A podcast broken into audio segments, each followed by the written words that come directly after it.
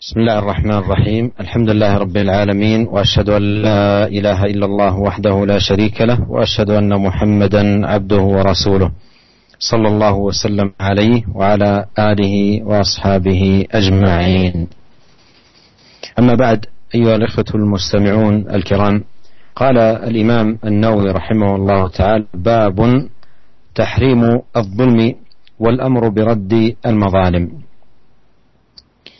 وأورد قول الله سبحانه ما للظالمين من حميم ولا شفيع يطاع.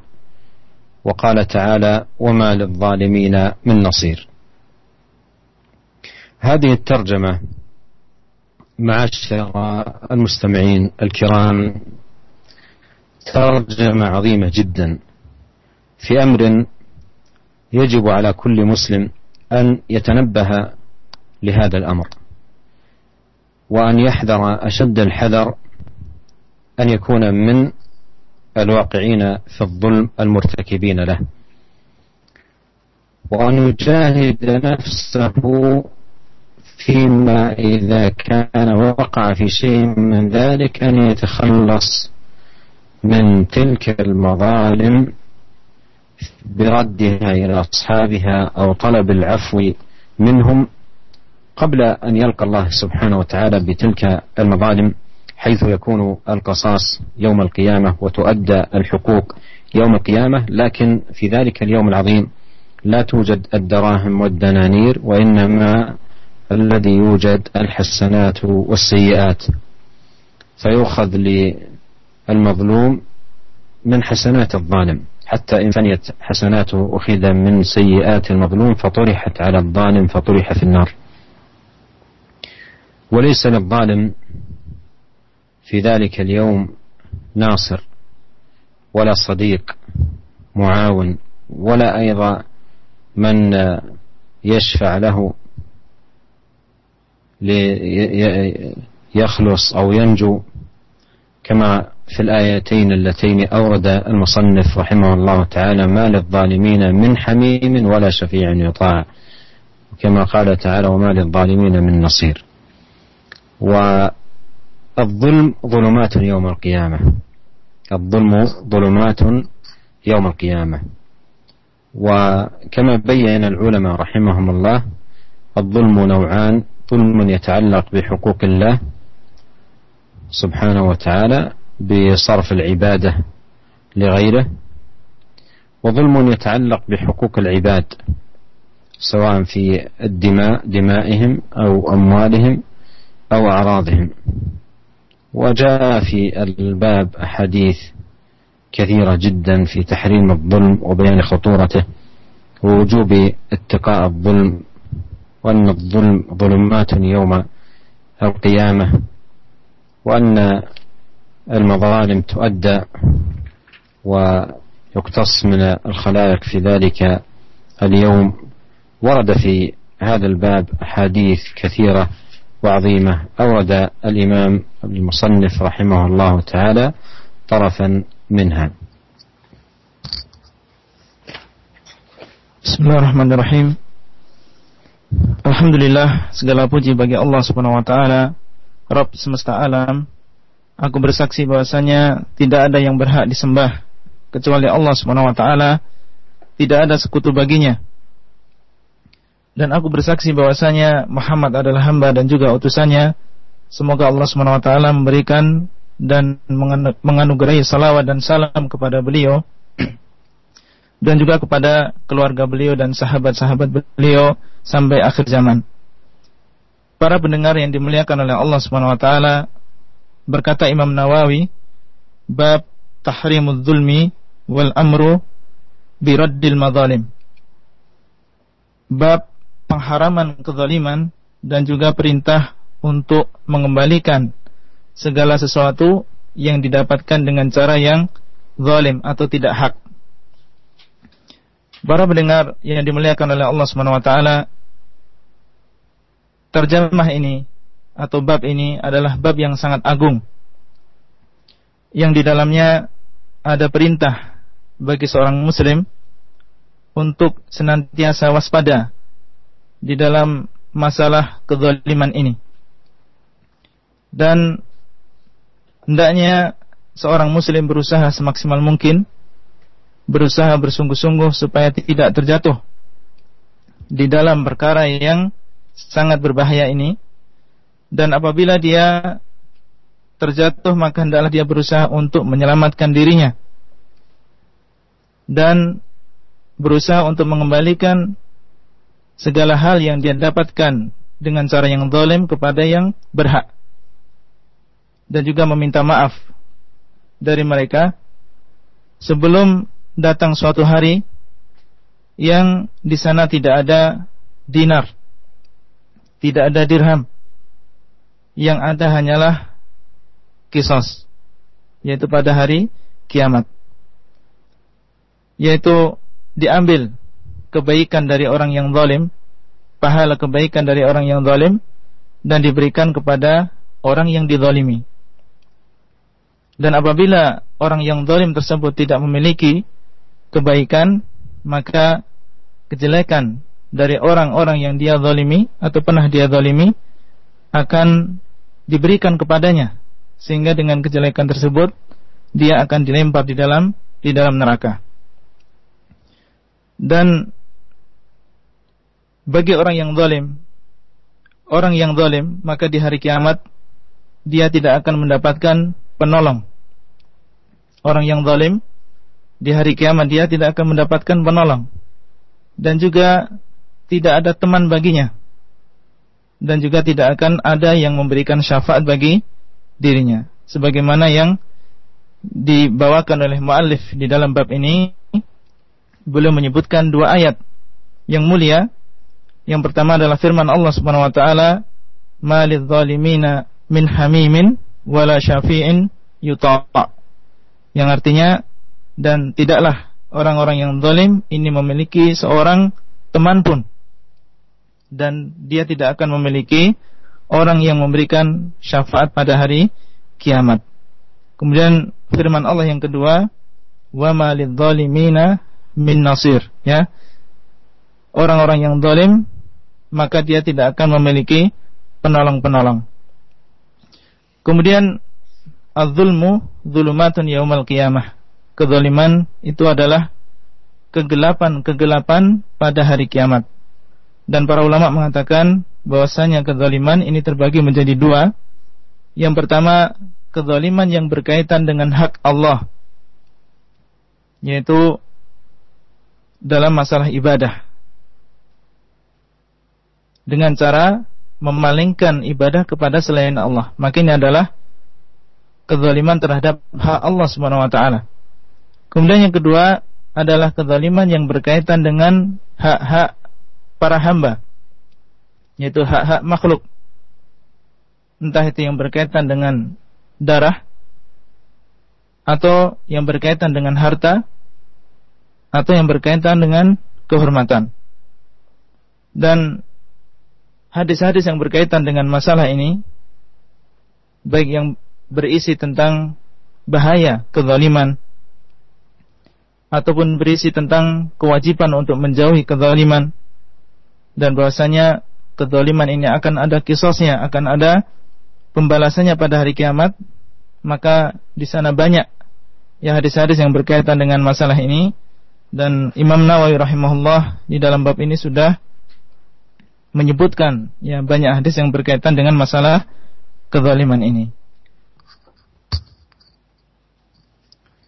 ثم أورد الإمام النووي رحمه الله تعالى حديث جابر بن عبد الله رضي الله عنهما أن رسول الله صلى الله عليه وسلم قال اتقوا الظلم فإن الظلم ظلمات يوم القيامة واتقوا الشح فإن الشح أهلك من كان قبلكم.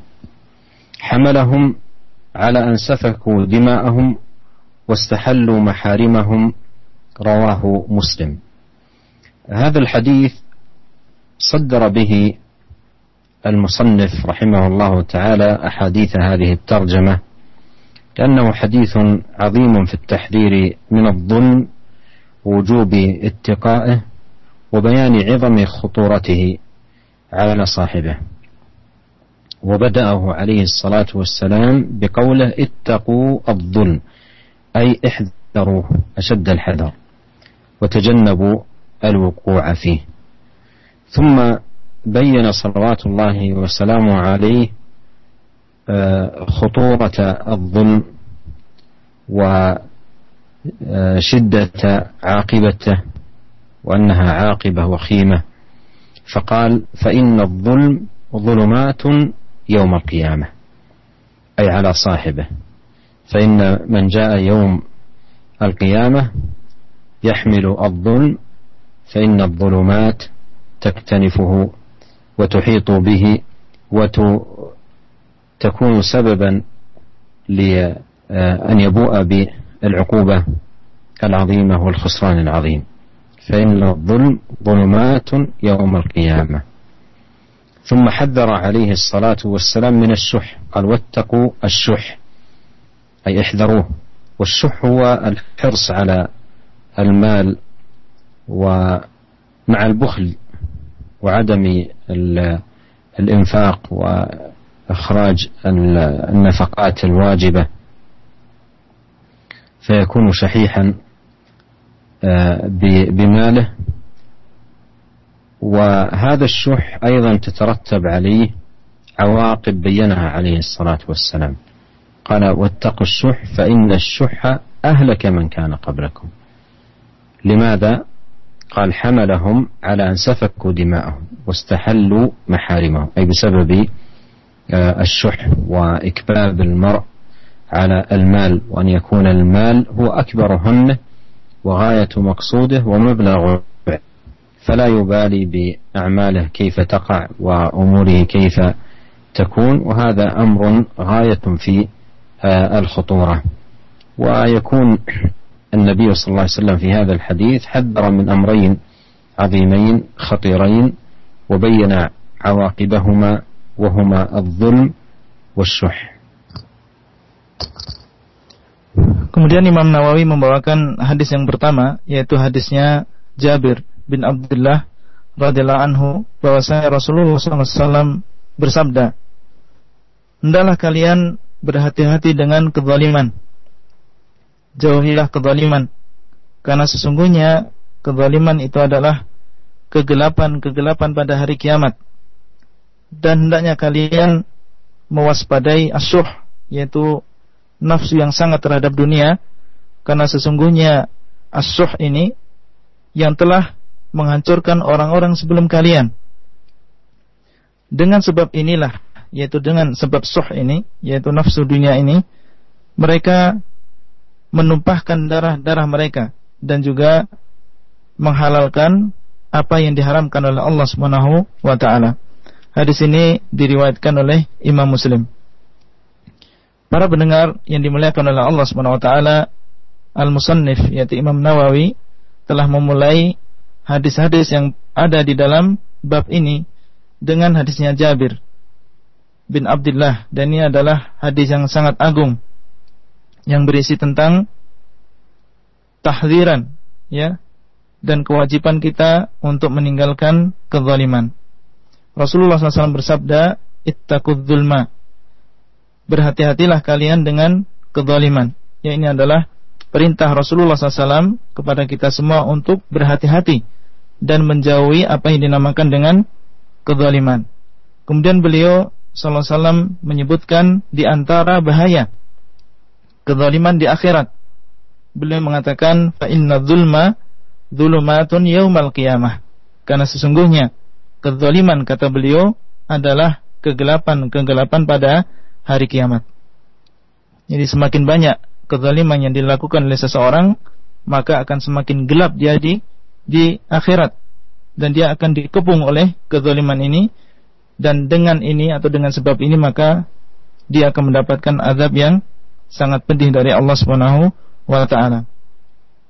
Kemudian beliau mengatakan wattaqusyuh dan hendaklah kalian waspada dengan asyuh yaitu seseorang sangat bernafsu dengan dunia dunia dan juga diiringi dengan kebakilan yang sangat maka Rasulullah SAW yang menyuruh kita untuk menjauhi asyuh ini. Sifat yang sangat jelek ini. Kemudian beliau mengatakan fa inna syuhha ahlaka man kana qablakum. Karena sesungguhnya sifat ini inilah yang telah menghancurkan, yang telah menghancurkan umat-umat sebelum kalian. Dengan sebab inilah kata beliau mereka menumpahkan darah-darah di antara mereka dan juga menghalalkan apa yang telah diharamkan oleh Allah Subhanahu wa taala. Jadi seseorang apabila dia sudah terkena nafsu dunia dan memiliki sifat ini maka dia tidak lagi peduli dengan apa yang dia lakukan. Dari mana dia akan mendapatkan uang tersebut?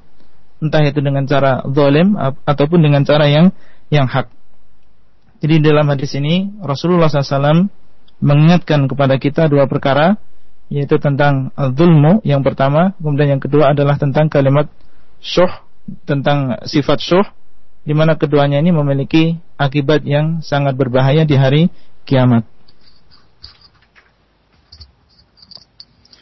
ثم أورد الإمام النووي رحمه الله تعالى حديث أبي هريرة رضي الله عنه أن رسول الله صلى الله عليه وسلم قال لتؤدن الحقوق يوم القيامة إلى أهلها. لتؤدن الحقوق إلى أهلها يوم القيامة حتى يقاد للشاة الجلحاء من الشاة القرناء. رواه مسلم.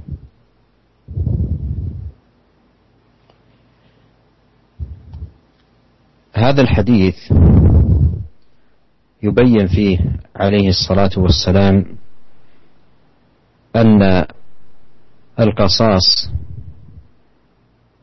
سيكون يوم القيامة بحيث يقتص للمظلوم من ظالمه حتى إنه يقاد للشاة الجلحاء حتى إنه يقتص للشاة الجلحاء.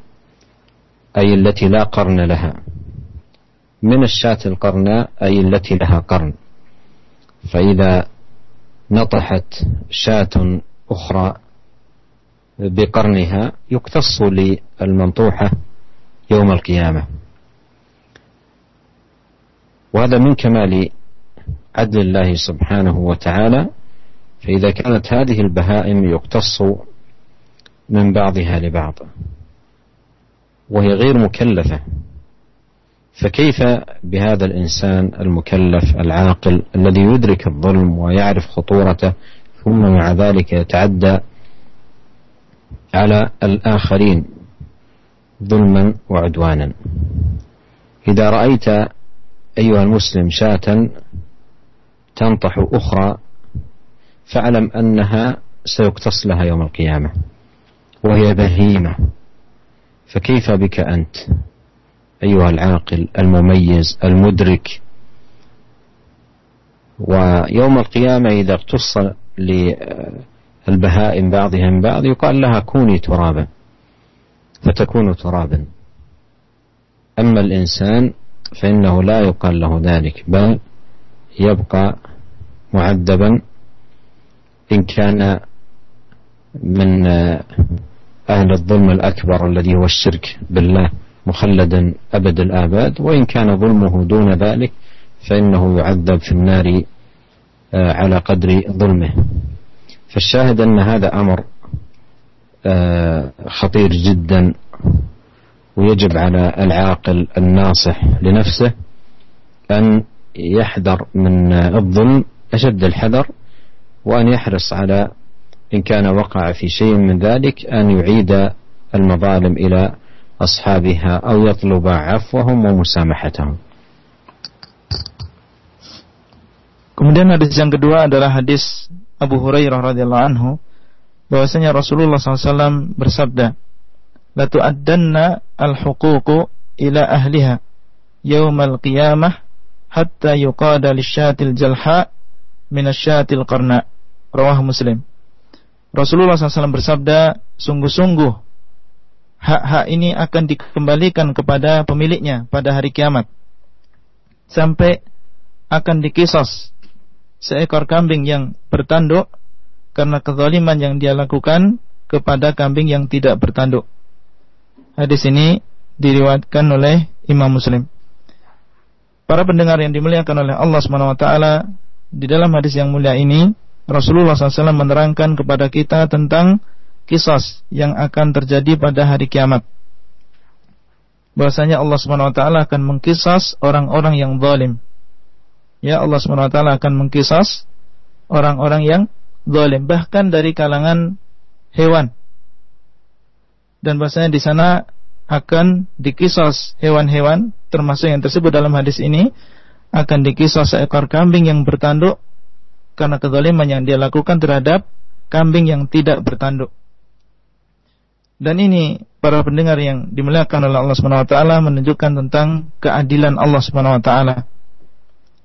Apabila keadilan ini akan ditegakkan terhadap makhluk-makhluknya dari kalangan hewan, maka bagaimana dengan manusia di mana manusia adalah orang-orang yang telah Allah berikan akal. Allah berikan akal dan naluri. Oleh karena itu apabila Anda melihat seekor kambing yang menanduk kambing yang lain maka ketahuilah bahwasanya bahwasanya nanti akan terjadi kisos di antara mereka pada hari kiamat. Maka adalah Anda ambil pelajaran Bagaimana dengan kita sebagai manusia yang telah Allah berikan akal dan telah ditaklif, telah diberikan beban oleh Allah Subhanahu wa taala. Hewan apabila nanti dikisos pada hari kiamat, maka setelah itu mereka akan menjadi tanah. Kuni turaban. Allah akan mengatakan kepada mereka, jadilah kalian tanah. Ini adalah hewan. Adapun manusia, apabila sudah dikisos maka yang ada adalah azab. Ada di antara mereka yang diadab secara terus-menerus dan tidak akan keluar dari neraka, yaitu apabila kezaliman di sini adalah kezaliman yang berupa kesyirikan kepada Allah Subhanahu wa taala. Dan ada kezaliman yang lebih rendah dari itu, yaitu ya kezaliman terhadap makhluk ya atau kezaliman di bawah kesyirikan, maka ini akan diadab orangnya sesuai dengan kezaliman dia ala kulihal perkaranya atau masalah kezalimannya adalah suatu yang sangat berbahaya dan jelek akibatnya pada hari kiamat. Oleh karena itu, seorang muslim hendaknya berusaha ya menjauhi semaksimal mungkin apa yang dinamakan dengan kezaliman. Dan apabila dia terlanjur terjatuh di dalam kezaliman ini, dia berusaha segera mengembalikan ya hak-hak ini kepada pemiliknya sebelum uh, datang waktu yang di situ tidak ada manfaat uh, penyesalan. ثم أورد رحمه الله تعالى حديث ابن عمر رضي الله عنه قال كنا نتحدث عن حجة الوداع والنبي صلى الله عليه وسلم بين أظهرنا ولا ندري ما حجة الوداع حتى حمد الله رسول الله صلى الله عليه وسلم وأثنى عليه ثم ذكر المسيح الدجال وأطنب في ذكره وقال ما بعث الله من نبي إلا أنذره أمته. أنذره نوح والنبيون من بعده. وإنه إن يخرج فيكم فما خفي عليكم من شأنه فليس يخفى عليكم. إن ربكم ليس بأعور وإنه أعور أعور عين اليمنى. كأن عينه عنبة طافية. ألا إن الله حرم عليكم دماءكم وأموالكم كحرمة يومكم هذا في بلدكم هذا في شهركم هذا. ألا هل بلغت؟ قالوا نعم. قال اللهم اشهد ثلاثا ويلكم أو ويحكم. انظروا لا ترجعوا بعدي كفارا يضرب بعضكم رقاب بعض. رواه البخاري وروى مسلم بعضه. هذا الحديث فيه بيان خطورة الظلم والتعدي على الناس في الدماء والأموال والأعراض وبين ذلك عليه الصلاة والسلام وكرر ألا إن دماءكم وأموالكم وفي بعض الأحاديث وأعراضكم حرام. كحرمة يومكم هذا في بلدكم هذا.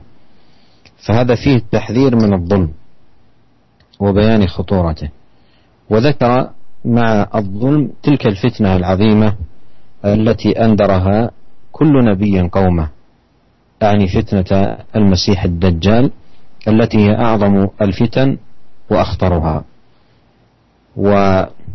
وجاءت عن النبي صلى الله عليه وسلم أحاديث كثيرة في التحذير من الدجال وفتنته وكل نبي بعثه الله أنذره أمته نوح والنبيون من بعده.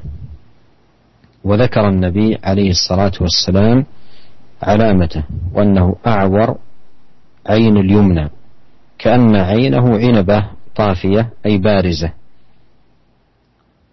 كأنها عنب عنبة طافية أي عنبة بارزة وهي علامة ظاهرة على كذب هذا آه، الرجل فيما يدعيه وهو يدعي والعياذ بالله أنه رب العالمين. ومعه فتن عظيمة جدا تعصف بالناس إلا من رحمه الله سبحانه وتعالى ونجاه من تلك الفتنة العظيمة.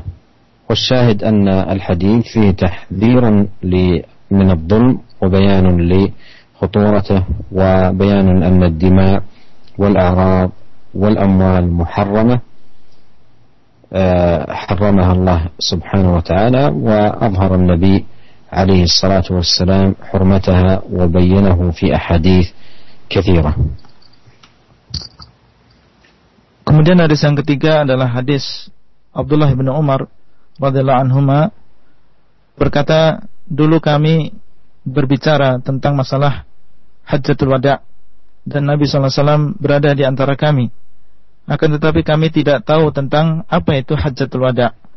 Sehingga Rasulullah SAW pun bangkit dan memuji Allah SWT. Kemudian beliau menyebutkan tentang Al-Masih Ad-Dajjal dan beliau keras di dalam menyebutkan Dajjal ini. Beliau bersabda, tidaklah Allah SWT mengutus seorang nabi kecuali dia mengingatkan umatnya tentang Dajjal. Nuh alaihissalam telah mengingatkan umatnya tentang Dajjal dan juga nabi-nabi setelah Nuh. Kemudian beliau SAW mengatakan dan sesungguhnya apabila Dajjal itu keluar di antara kalian maka dia tidak akan samar bagi kalian. Karena sesungguhnya Rabb kalian tidak awar, yaitu tidak bermata satu. Akan tetapi Dajjal ini memiliki mata satu, yaitu mata yang sebelah kanan. Seakan-akan mata tersebut ya seperti anggur yang menonjol. Ketahuilah sesungguhnya Allah SWT telah mengharamkan atas kalian harta kalian dan juga telah mengharamkan atas kalian darah kalian dan juga harta kalian sebagaimana haramnya hari kalian ini di dalam negeri kalian ini dan juga di bulan kalian ini. Ala hal ballaqtu bukankah aku telah menyampaikan? Maka para sahabat pun berkata, "Na'am." Iya. Kemudian beliau SAW mengatakan tiga kali, Allahumma syahad. Ya Allah, saksikanlah. Kemudian beliau mengatakan, hati-hatilah kalian. Janganlah kalian kembali melakukan perbuatan yang kufur. Saling memerangi di antara kalian. Hadis ini diriwayatkan oleh Imam Bukhari dan sebagiannya diriwayatkan oleh Imam Muslim. Para pendengar yang dimuliakan oleh Allah SWT di dalam hadis ini Rasulullah SAW menjelaskan tentang bahaya kezaliman baik yang berkaitan dengan darah ataupun harta ataupun kehormatan. Dan beliau SAW mengulangi tentang bahaya kezaliman ini dalam tiga perkara ini berkali-kali. Ya, dan ini menunjukkan bahayanya perkara kezaliman ini. Dan di dalam hadis ini pula selain beliau menyebutkan tentang masalah kezaliman, eh, Rasulullah SAW menyebutkan tentang fitnah yang sangat besar yang terjadi di akhir zaman di mana fitnah ini adalah fitnah yang paling besar yang terjadi di permukaan bumi yaitu tentang fitnah dajjal dan di sana telah datang hadis-hadis dari Rasulullah SAW yang banyak tentang masalah Dajjal ini dan beliau sebutkan di sini bahwa semua nabi dari Nabi Nuh alaihissalam dan juga nabi-nabi setelahnya semuanya mengingatkan umatnya tentang perkara Dajjal ini. Dan e, di dalam hadis ini Rasulullah SAW menyebutkan sebuah alamat, ya sebuah tanda, ya di mana Dajjal ini memiliki tanda dia bermata satu, yaitu hanya memiliki mata sebelah kanan dan disebutkan di sini bahwasanya matanya ini menonjol ya seperti anggur, ya anggur yang yang menonjol. Dan ini menunjukkan tentang dustaan Dajjal ini. Karena di dalam apa yang dia aku karena Dajjal ini di akhir zaman dia akan mengaku sebagai Rabbul Alamin, sebagai Allah Subhanahu wa taala. Ya, sementara Allah Subhanahu wa taala bukan awar.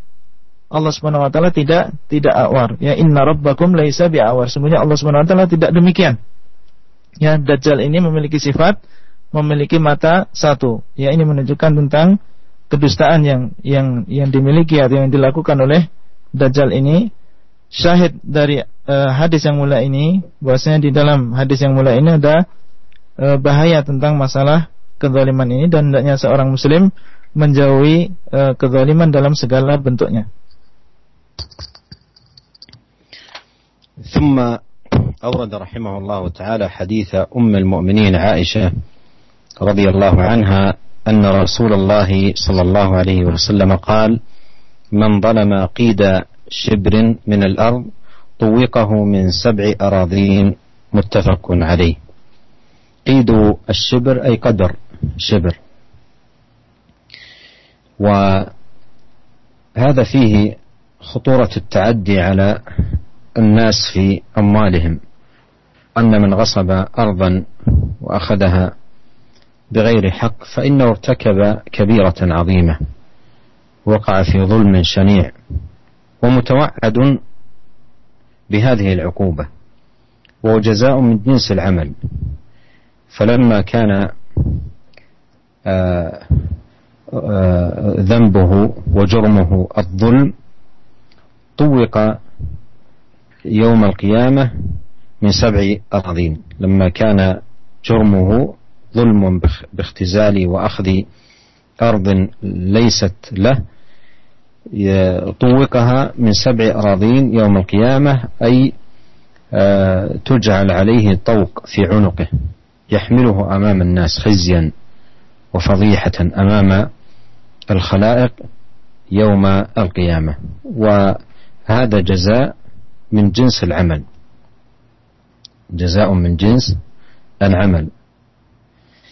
فالشاهد أن هذا فيه التحذير من الظلم وبيان عقوبته وأن الظلم ظلمات يوم القيامة وأن الظالم يأتي يوم القيامة يحمل آه، مظالمه.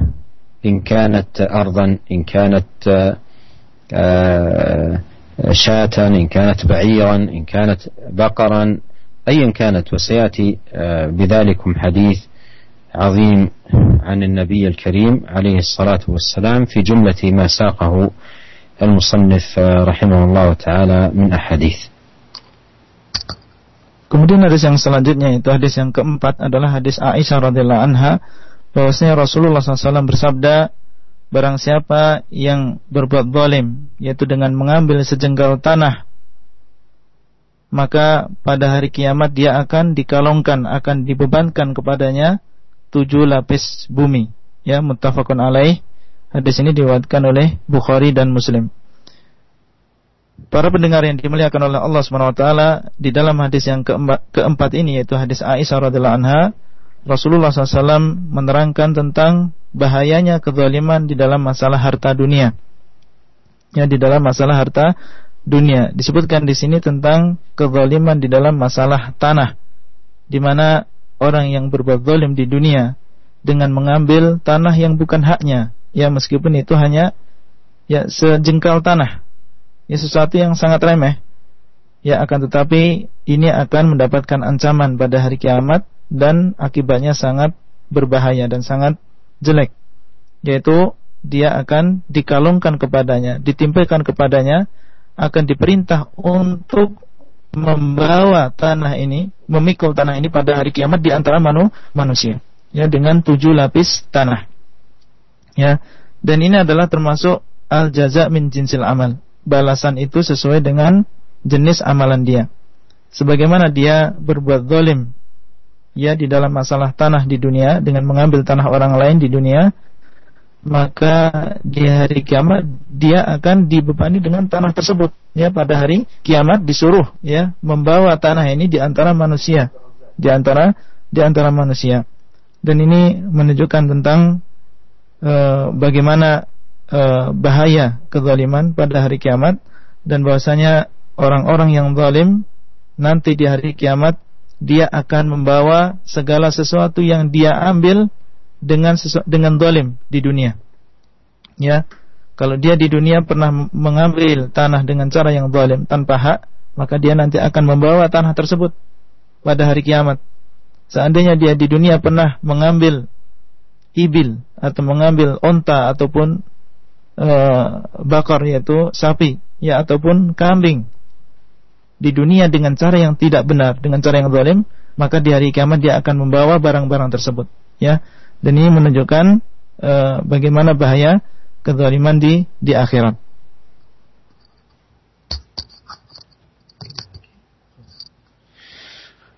ولا يزال المصنف رحمه الله يذكر الأحاديث تلو الأحاديث في بيان خطورة الظلم وهذا ما يكفي في لقائنا هذا ونستكمل ما بقي في لقائنا القادم بإذن الله سبحانه وتعالى. نسأل الله عز وجل أن يعيدنا أجمعين من الظلم وأن يوفقنا للعدل وأن يصلح لنا شأننا كله وأن لا يكلنا اليسنا طرفة عين. إنه سميع قريب مجيب. Bagi arba Uh, itulah mungkin yang bisa kita sampaikan pada kesempatan kali ini dan insya Allah akan kita uh, sempurnakan hadis-hadis ini pada kesempatan yang akan datang dan semoga Allah SWT melindungi kita dari kezaliman dan tidak uh, menjadikan kita bertawakal kepada diri kita sendiri. Uh, mungkin masih tersisa waktu uh, kita insya Allah berikan kesempatan untuk pertanyaan. Nah, jazakallah khairan ya Syekh atas uh, dars yang telah disampaikan juga untuk Al Ustaz Abdullah Rai yang telah menerjemahkan dari yang disampaikan Syekh tadi. Semoga bermanfaat untuk kita semua dan saudara kusiman kita akan memberikan kesempatan untuk para pendengar yang akan bertanya di kesempatan sore hari ini kepada Syekh. Ada satu pertanyaan yang akan kami angkat terlebih dahulu dari pesan singkat yang bertanya, Ya Syekh, Barakallahu Fik, apabila seseorang berbuat zalim karena terpaksa mengambil hak orang lain tanpa tanpa uh, tanpa sepengetahuan dari orang yang memilikinya. Namun dia berniat untuk mengembalikan bila ada kelapangan di kemudian hari. Apakah pada saat mengembalikan perlu dia menyampaikan apa yang telah dilakukannya kemudian meminta maaf? Atau kita cukup mengembalikannya saja tanpa memberitahu apa yang telah kita kerjakan? Jazakallah khairan syekh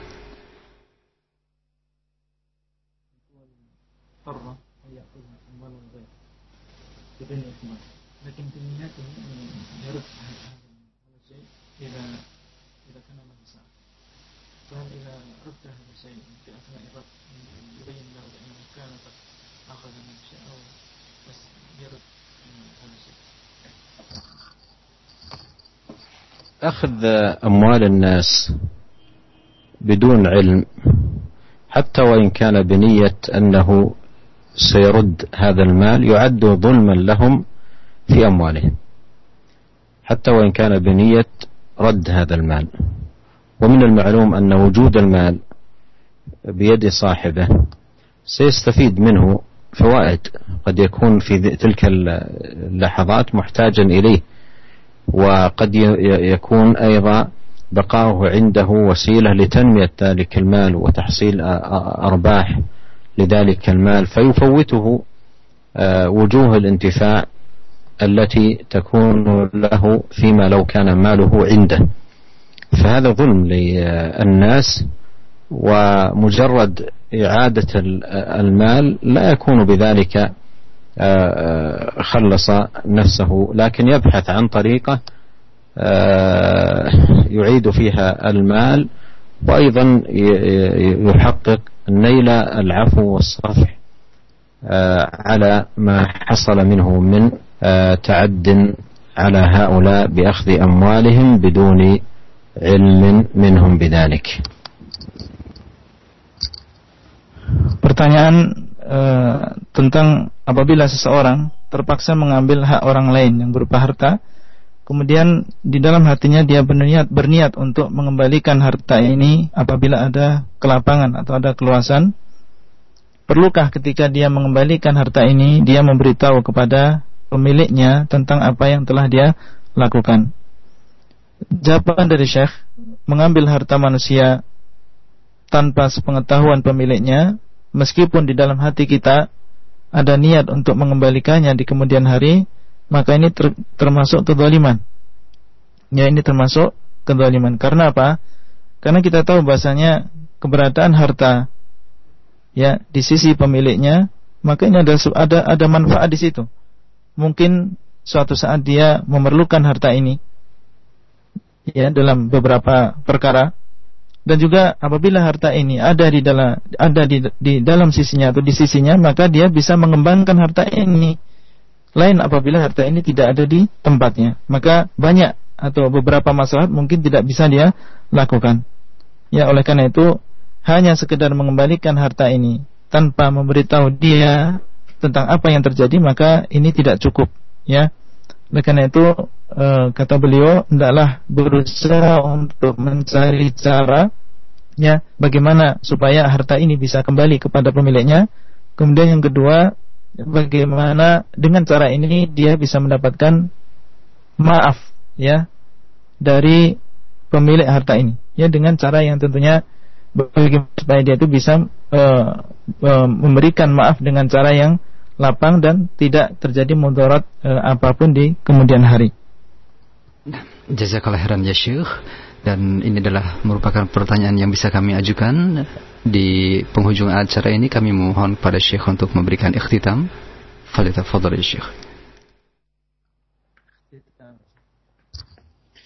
في ختام لقائنا هذا أدعو الله سبحانه وتعالى أن يوفقنا أجمعين للعلم النافع والعمل الصالح وأن يهدينا لأحسن الأخلاق لا يهدي لأحسنها إلا هو وأن يصرف عنا سيئها لا يصرف عنا سيئها إلا هو. والله أعلم وصلى الله وسلم على عبده ورسوله نبينا محمد وآله وصحبه أجمعين. السلام عليكم ورحمة الله وبركاته. وعليكم السلام ورحمة الله وبركاته. جزاك الله خيرا يا شيخنا.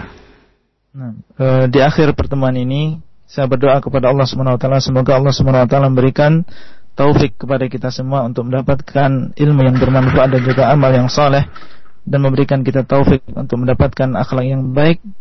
Allahu a'lam wa sallallahu ala nabiyyina Muhammad wa ala alihi wa sahbihi ajma'in. Wassalamualaikum warahmatullahi wabarakatuh.